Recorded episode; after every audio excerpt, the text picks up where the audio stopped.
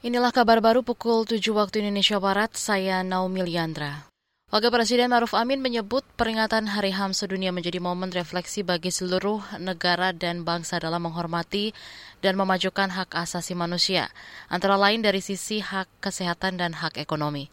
Saat ini Indonesia tengah berjuang pulih dari krisis dan bangkit menjadi bangsa yang lebih kuat. Pemulihan ekonomi nasional menuntut lingkungan yang kondusif. Mendorong dilaksanakannya upaya pemulihan yang bertanggung jawab, baik secara hukum, sosial, lingkungan, serta tetap mengedepankan nilai-nilai hak asasi manusia. Wapres Maruf Amin menambahkan Indonesia juga memiliki visi mewujudkan pembangunan yang inklusif, berimbang, dan berkelanjutan dengan manusia sebagai pusatnya. Pembangunan infrastruktur harus didedikasikan sebagai prasarana pemenuhan hak asasi manusia yang menjamin keterjangkauan hak mobilitas, hak kesehatan, pangan, dan kebutuhan dasar termasuk bagi penyandang disabilitas. Saudara, sebanyak 25 pemerintah daerah tidak melaporkan perkembangan kenaikan harga dan penanganan pengendalian inflasi yang mereka lakukan ke Kementerian Dalam Negeri Kemendagri.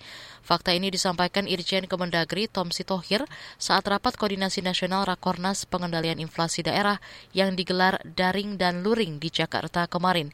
Daerah itu antara lain Kota Pariaman, Intan Jaya, dan Teluk Bintuni.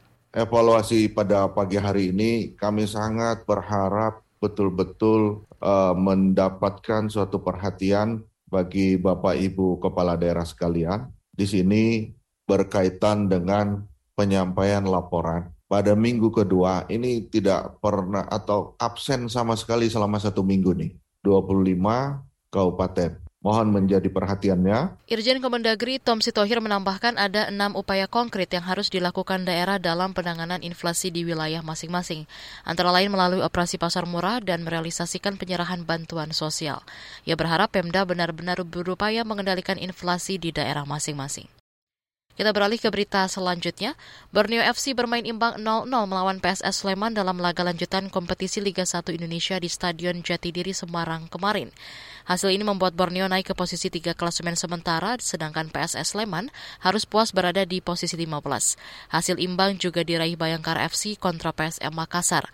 Dalam pertandingan yang digelar di Stadion Maguwo Harjo Sleman, kedua tim bermain tanpa gol 0-0. Pada laga lain, tim tamu Bali United menang 1-3 melawan Madura United. Hasil ini membuat Bali masih memuncaki klasemen sementara dengan raihan 30 poin selisih satu poin dengan PSM yang ada di posisi kedua. Demikian kabar baru, saya Naomi Liandra undur diri.